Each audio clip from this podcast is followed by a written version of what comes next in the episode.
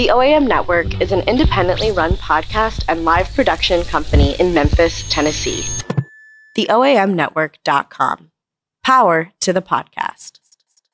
I think that's the thing is like not everything is easy all the time. And um, you really just have to break the hard stuff down into small bits and do your best for those little small bits, and they all add up to something better. I'm Dr. Perry Mandanis, psychiatrist and host of Couch Stories. For more than 20 years, I've helped people of all ages discover how resilient they can be in adapting to the many curveballs that life throws at them, from the merely irritating to the life altering. We all face challenges from time to time. I've overcome quite a few myself that I'll be sharing with you. What I've learned from each one, and sometimes the hard way, is that it's never just self help instruction, or advice, or medical information that helps. It's the right story that can do the most good. When you discover the story that cracks you open, you'll remember it. It'll become one of your best friends for life because it'll show up again and again right when you need it most. Welcome back. Thank you for all the reviews that you guys have been writing about the show on Apple and Spotify. I really appreciate it. It's because of listeners like you who take the time to write a review that somebody else who may be looking for a new podcast is going to consider listening to Couch Stories. So thanks again. As always, please remember to like Couch Stories podcast on Facebook and to follow us on Instagram.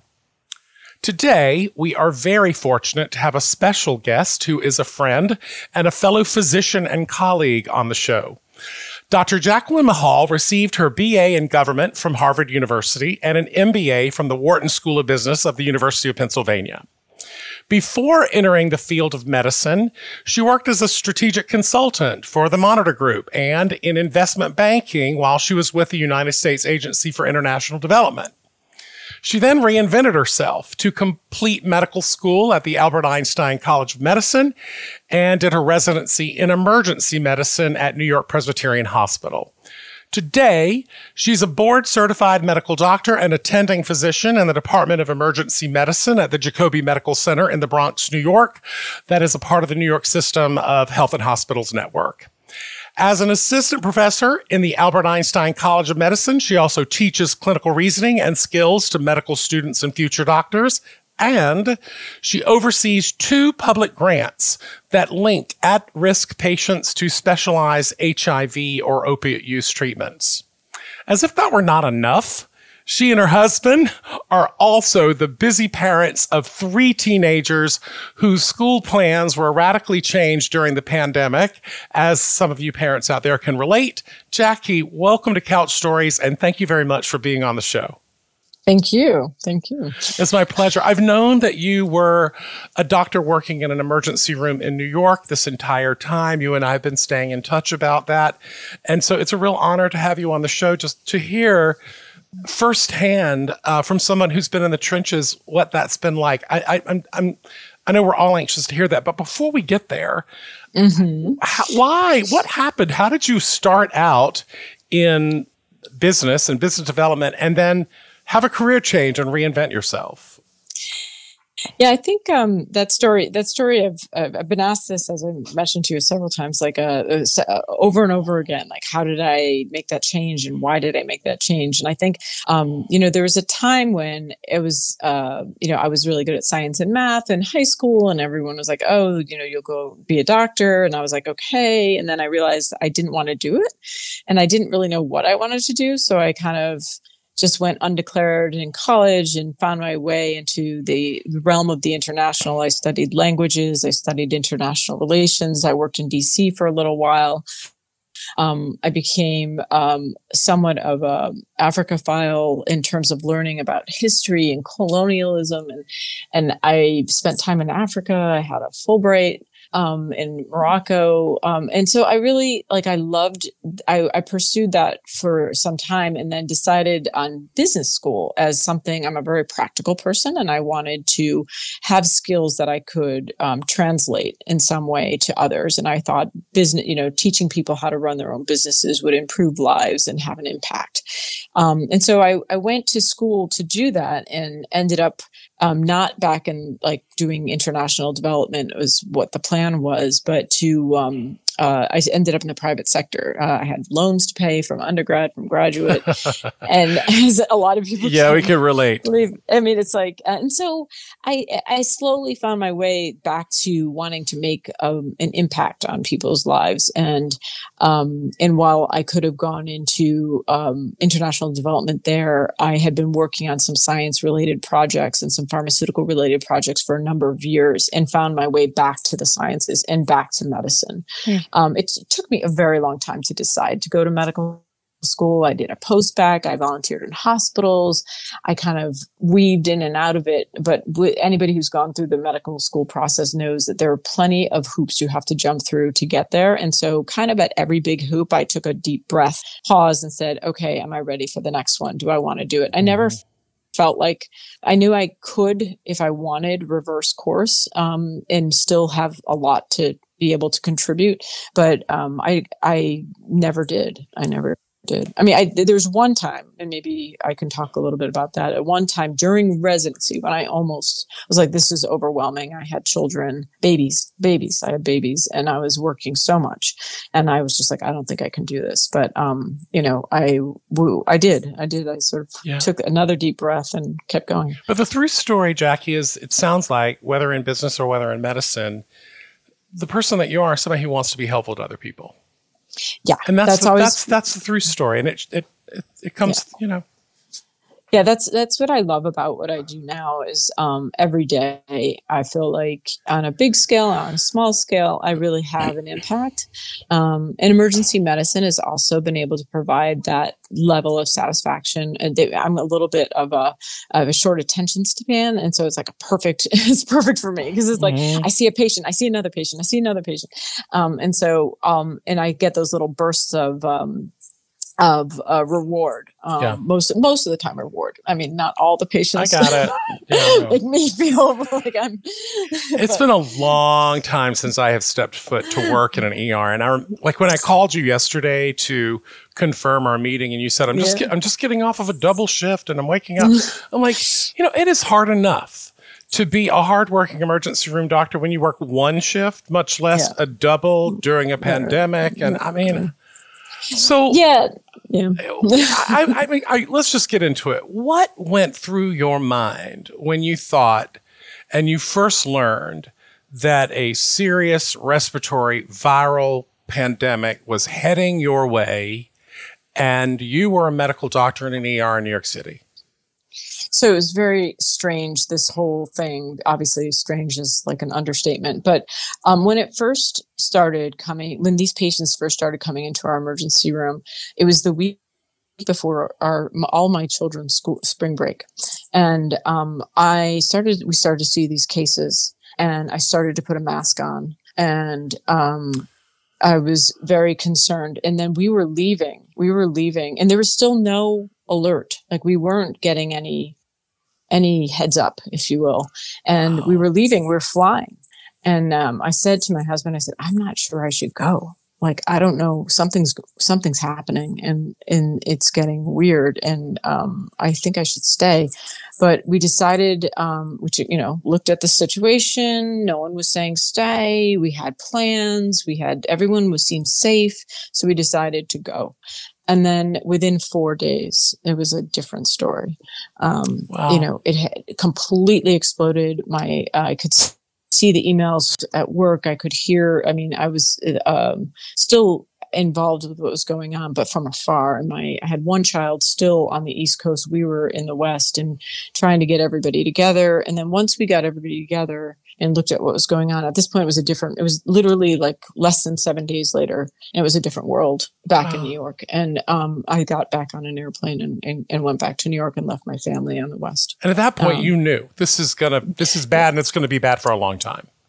I didn't know how long. We still didn't really like. I wasn't here, but um, I knew that my work environment had completely changed and that my my colleagues were being um, overwhelmed and that a lot was happening. And i have some administrative responsibilities and i knew that what i did needed to i, I knew that i needed to be there or at least i felt i needed yeah. to be there you know? And you had the good um, sense to put on a mask early before before you even knew what this was possibly that you were dealing with. You uh, you know so I, I knew to, I mean, uh, my first few patients were coming in complaining of sore throats. And so we were doing like throat swabs on patients. And I always put a mask on for that. And then, you know, people were coughing and, and, um, and yeah, I did. I started wearing a mask and it was strange. Mm-hmm. Um, like that last day or two, I had one on. I, I wore a mask on the airplane out west because I was concerned. Like I didn't know what was going on. Sure. Um,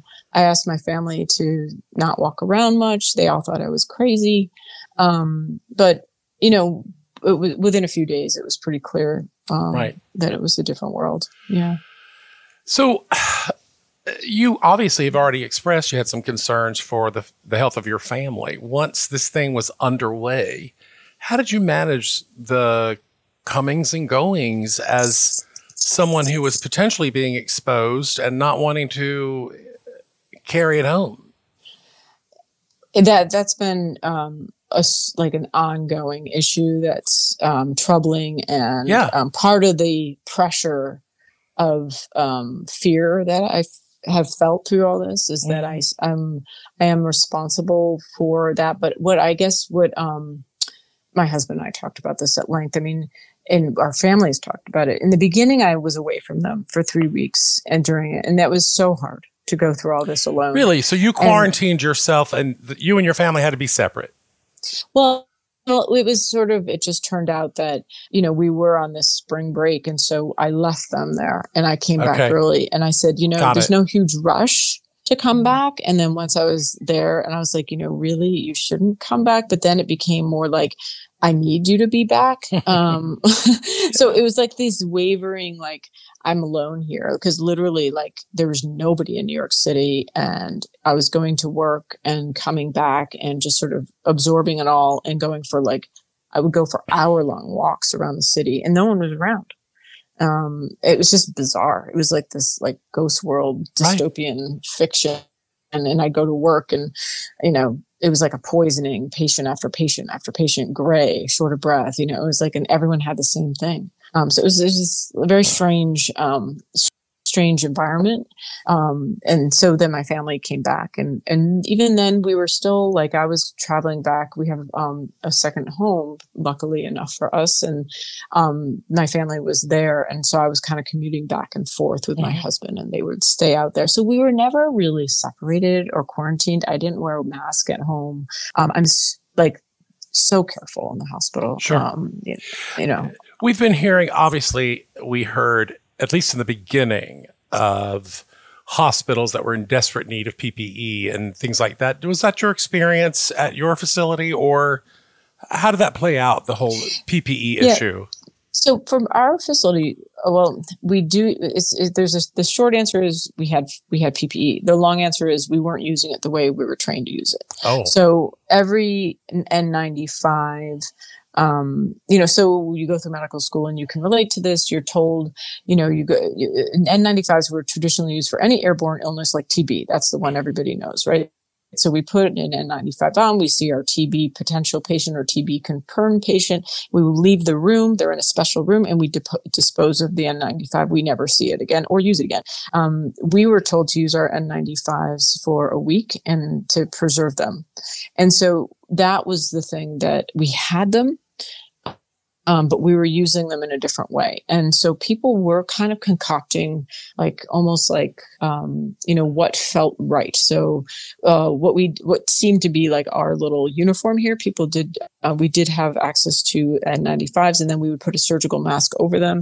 Then we'd have those, uh, those clear shields over our Got face um, with sometimes goggles, ski goggles were um, donated to the hospital. So it was really this kind of weird, weird costume sure. and then like light layers on top of that our hair was up um, um, and so and covered scrub caps. Mm-hmm. So even now, and then sometimes some people brought their own equipment. People were buying respirators, and the residents started showing. uh, You know, people were wearing respirators um, with those, like they look like gas masks. from- Sure. Yeah, yeah, yeah. You know, and so um, so there were these like several different iterations of what was safe and what wasn't safe in the house. You know, of course.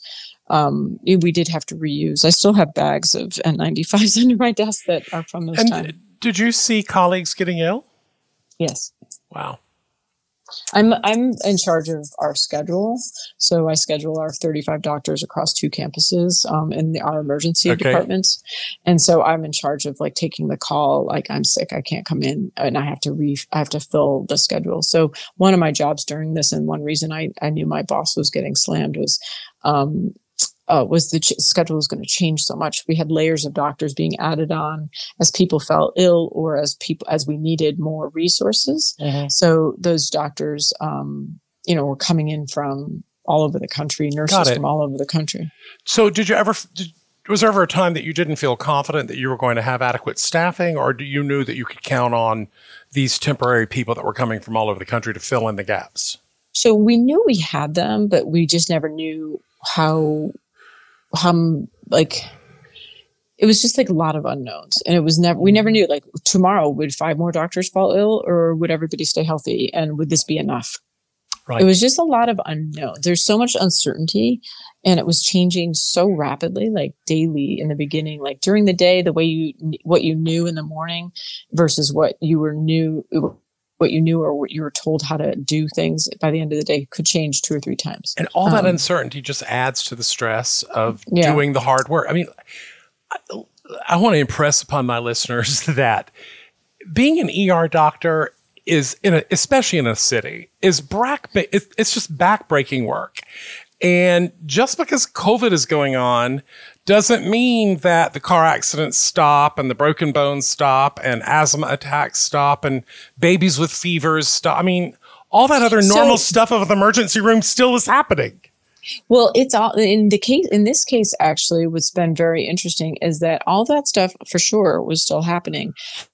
But it didn't come in, um, so we know Really? That, so for yeah, oh yeah, it was very interesting. Um, Huh. So car accidents, actually, you know, the occasional car accident. But there's probably fewer the cars on the road. but people weren't driving. Yeah. Yeah. Yeah. Yeah.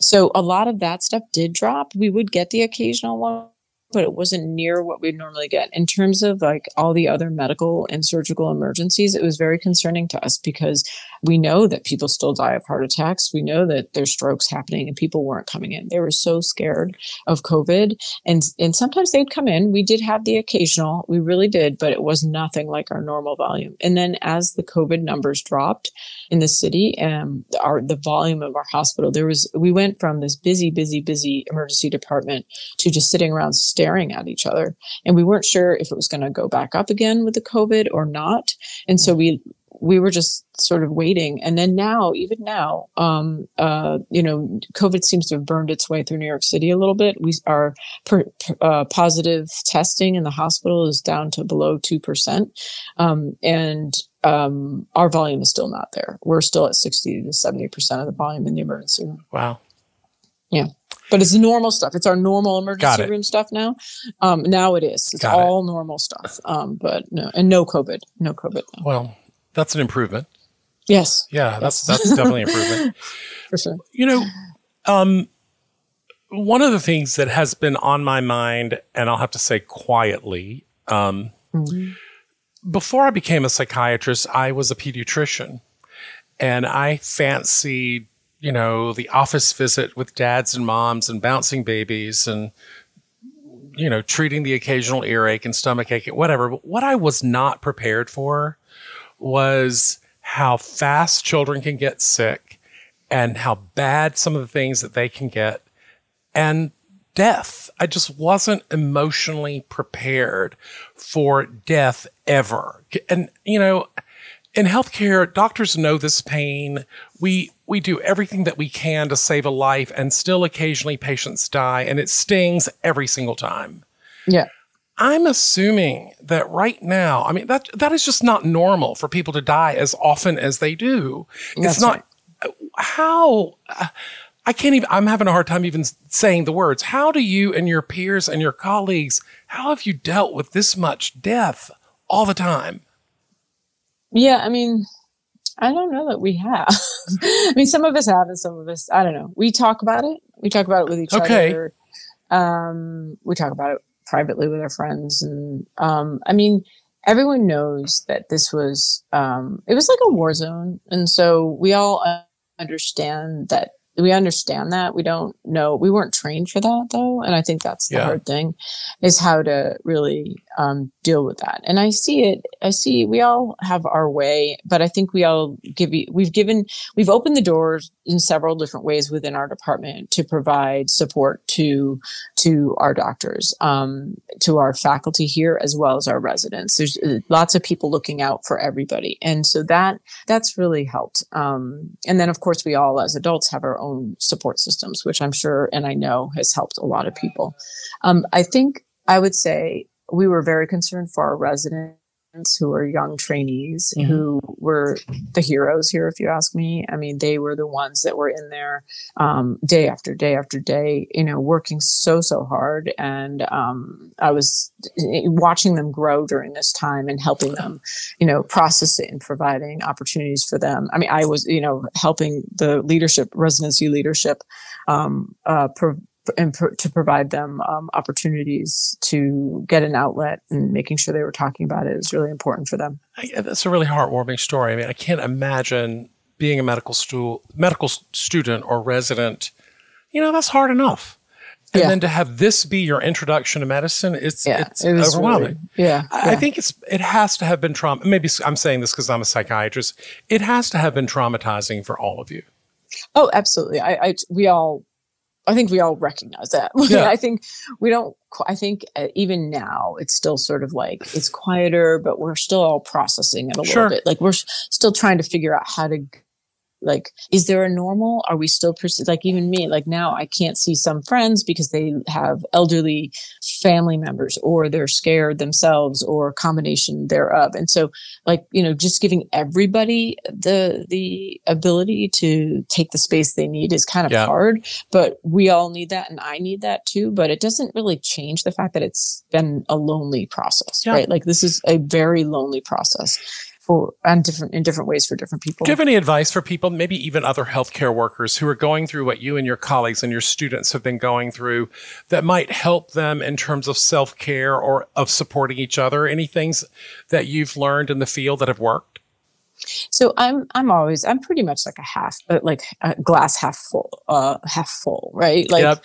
um like not half empty, but half full. So I'm pretty positive. And I guess something I've been telling my kids and myself doesn't always work, but I just, I do look for like the silver, this, um, the small joys and silver linings. Mm-hmm. Um, so um, I remark to my children who have all been playing more music that that's a gift. And um, while I would never wish this on this situation on us again, but we did get something out of it. Um, my garden is huge right now, and that's because I spent a lot of time pulling same here. weeds. Yes, same and, here. um, looking for something, some way to be outside because I spend so much time inside and outside without a mask because I spend so much time with these N95 on.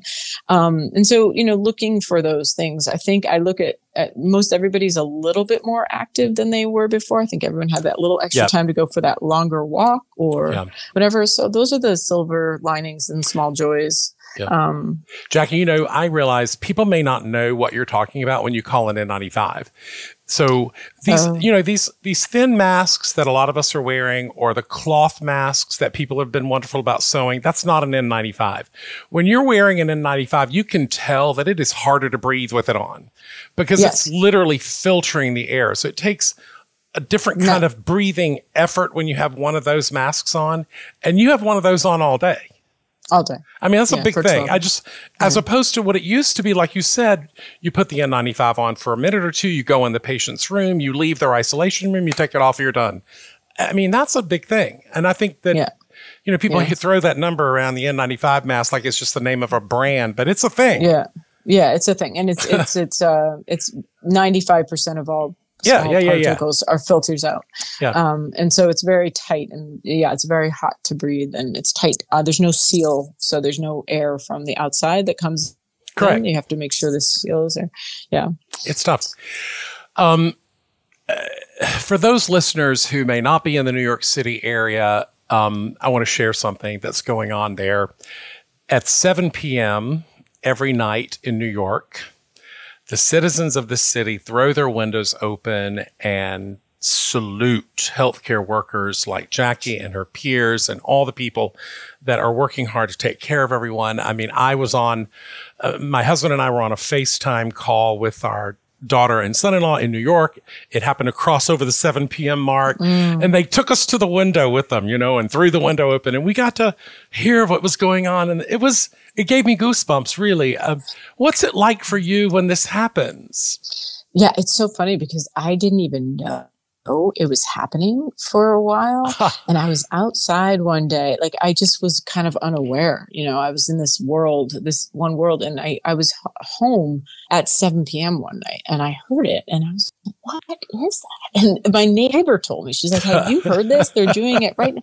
And, um, and uh and it was beautiful you know i went upstairs and listened to it from the roof and and i couldn't the thing about it that i didn't tire at all at all um hearing it. Um i was i thought it was remarkable that they kept doing it for so long I know like, for so long. weeks and weeks and weeks A and, shout out um, to New Yorkers, oh right? my gosh right oh Yeah, absolutely totally. I mean, New York strong. They were really that was incredible. I mean, That's a city great. that has the shortest attention span ever, and they kept do- they kept doing it every night. It was great. Do you and your teammates celebrate successes like some hospitals have done? I've seen, you know, um, when someone gets extubated and discharged, because that's a big thing. How do you, um, at Jacobi, celebrate COVID success stories? Sure. So, um, uh, so. So, um, when this all started, it was the overhead call. So, uh, if you work in a hospital, if you ever hear rapid response team to blah, blah, blah floor, that usually means something dire has happened to a patient. We don't hear them that often on any given day, maybe a couple times a day. A bad time, a bad day might be you hear six of them. Um, they were going, these alerts for um, rapid response teams were going off like every 10 to 15 minutes all day long, all day long, all day long. And wow. and so it became very um uh very uh exhausting people weren't even like hearing them anymore it was just like a, a background noise um and then one day they started playing like um uh i can't remember. Oh gosh what song was it? I should ask. It was now i've also it was became background noise but we you know pop song of some sort. I know some hospitals played new york new york. Um uh uh there's uh, in every hospital had its own song for an extubation. Um, and now actually we so we did that for a while. We haven't heard one of those songs in a while but when they first started playing them um, everybody would burst out and clap. Um, Right. and it was just like across the hospital you could hear it just and wherever you were people were clapping and so um, that was one way to celebrate and actually interestingly enough during that time they started playing a lullaby and the lullaby was for any baby that was born and some hospitals have uh, done that. I've been in community hospitals where they do that. Never a hospital this size, but this hospital started to do that. So now every now and then we hear lullabies, and that just means a baby was born. That's touching quite too. sweet. It gives you hope for the future, right? It does. Yeah. So, um, we're very fortunate that you are a doctor in the trenches, and now that the weather is changing and people are getting more impatient, and you know we're seeing this divide in our country about what to do, whether to wear masks, whether to continue sheltering, social distancing, etc. What are your concerns as a physician in the trenches about the coming months, and what advice do you have for other people? Yeah. Um, so, I mean, I have a lot of concerns. Um, I do think, I guess the thing I rely upon and the biggest piece of advice is just to keep wearing a mask and keep washing your hands. Um, I do think the masks work. I don't think that means that you need to continue to shelter in place as if it were March because it's no longer March in New York Right. um, our numbers are down. And to keep them down, we just still have to be respectful of the idea that some space and a mask is what's needed. So, like, I would, you know, I would I go see a group of people? Yes, I would. Would I, if I'm out, if I'm inside for the most part, if it's a group that I don't know that well, well, I mean, I can't say that I don't see anybody really that I don't know these days. It's either my my my patients and I'm wearing a mask. My colleagues. The only time I'm I'm not wearing a mask in my workplace is if I'm sitting at my desk with my my, my door shut. Mm-hmm. Um, and um, so wearing masks is really what it comes down to. It really helps. Everybody should wear one. Um, I do think people need to start seeing each other again. I'm I'm concerned about um, elderly people who haven't um, been outside of their homes who are deconditioned because I'm starting to see older yep. people come in with their health problems worsening for no good reason except that they really are deconditioned. Um, and and and whether it be an emotional deconditioning and some depression setting in that's making their um, physical health worse, or just people who have cardiac problems and lung problems who haven't taken walks because they've been too scared to go outside, who are now actually suffering the consequences of that. So I'm seeing from the medical side those secondary effects. Certainly a lot of depression. We're seeing domestic violence. We're seeing a resurgence of some opiate use in our community, which is very concerning. So all that stuff was kind of normal before, but now, um, now it's been going on kind of under the under the radar for two months and mm-hmm. so it's starting to surface and those are the acute medical issues that i'm concerned about sure. so but i do believe people can and i've you know I, I, people can see people and move around just being smart. But wear know? a mask, wear a mask, wear a mask, wear a mask. Yeah, wear a mask. I mean, wear exactly. And I think we all just have to get used to it because it's not going away anytime right. real soon. It will go away one day. I truly believe that. Of course. And we will, you know, but for the moment, this is this is our reality. Yep. So I think it's safe to say that um, when you change careers from businesswoman to medical doctor, you probably never realized that you were going to need this much resilience to essentially be a doctor, a wife, and a mother who's on the front lines during the pandemic. Yeah, you know, yeah, that so wasn't expected. that is not expected. Uh, do you have a story about what personally might have changed in you, or what you've learned about yourself or any insights that you've had about life. I mean, this is a huge event. So I'm curious to hear what thoughts you have about it. Um, I think just the idea that any problem can be broken down into smaller pieces. And whether it be um, getting up in the morning and having a good breakfast and a solid cup of coffee before you go to a long shift like that small piece of the day is the like the part you have to relish. Um you know having good colleagues around um doing something you love helps um even when it's really hard. So and i think that's the thing is like not everything is easy all the time. And um you really just have to break the hard stuff down into small bits and do your best for those little small bits and they all add up to something better.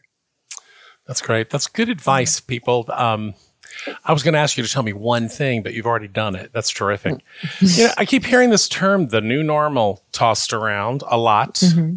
and yeah. none of us know what that new normal is. Yeah. Um, other, than, other than maybe we're going to wear a mask for a while what do you think the new normal is going to be for you, Jackie, in in your many roles that you've got?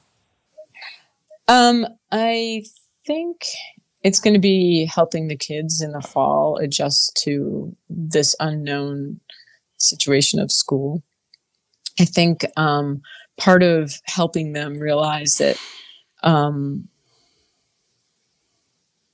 this is a time in history that is unique and it, for children they can't really see these big even though they're teens and they're some of them are on the verge of adulthood and the, the, the idea of time is, is sort of nebulous to them. Um, and so just sort of trying to keep it in perspective and remind them that it's you know focus on what you need to focus on and it's your grades your friends you know learning spending time together, um, staying healthy and, and, being smart, you know, just sort of keeping those boundaries up for them and those, um, those, that encouragement. Um, I feel like that's going to be an extra effort this fall. I think they're, sure. they haven't been in school. They won't have been in school for seven months. Right. Um, by the time they get back, and I think that's a really big deal for a kid. You bet. Um, It's been it's been wildly uh, wildly disruptive to teenagers Yeah. for sure, and socialization is such an important part of normal adolescent development. And Yeah. now they're not doing that because no, they're not doing it. Yeah. well, they're not doing it at least face to face. I mean, they're right. every you know doing the FaceTime and all these kind of things. But well, you know, I'm encouraged. Thank you so much for joining me for this interview. I feel like um, it's. I feel like we got a little bit of good news. I'm happy to hear you talk about at least your hospital seeing perhaps the other side of of the Yeah. curve. You know, that's a good thing. Yeah, I think it is the other. I know it's the other side. It's not even. I think I know it's the other side. I know, and I also know that there will be more patients to come. But what I, I feel the hope this time is that they're they that we'll be better prepared. One because we know a little bit more about how to treat these patients successfully, but also two we have leadership not only in the hospital but in the city and state and um, uh, who are keeping an eye on the numbers, um, and Yeah. they'll be able to see it coming. Uh, whereas before it was like um, a Mack truck hit you. Yeah. But, it- but that means you're making decisions based on facts and on evidence, which is how we practice medicine. And if We- our public servants and, you know, government officials do it the same way we do in medicine, then we can join and, We and, can and beat this thing, right? I mean, we have to practice evidence based medicine. Anything. Any, Yeah, everything is science- evidence. Science. science. science is a thing. Science is uh, evidence-based science would be good.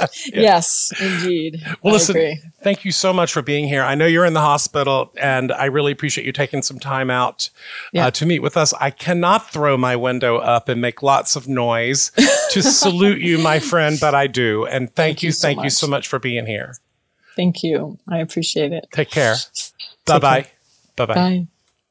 Wherever you are and whatever time of day it is, please salute the healthcare workers in your communities.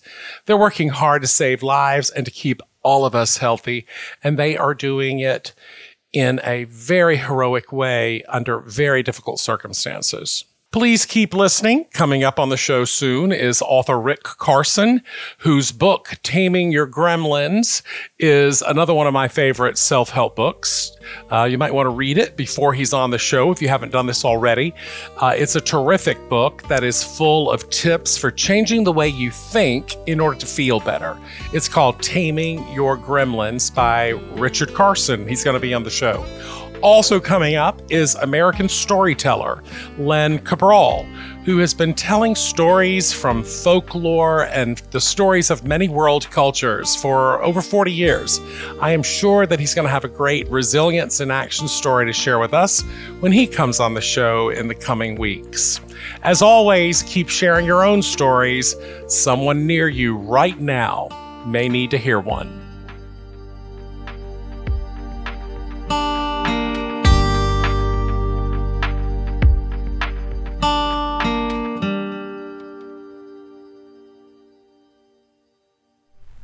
The OAM Network is an independently run podcast and live production company in Memphis, Tennessee. TheOAMNetwork.com. Power to the podcast.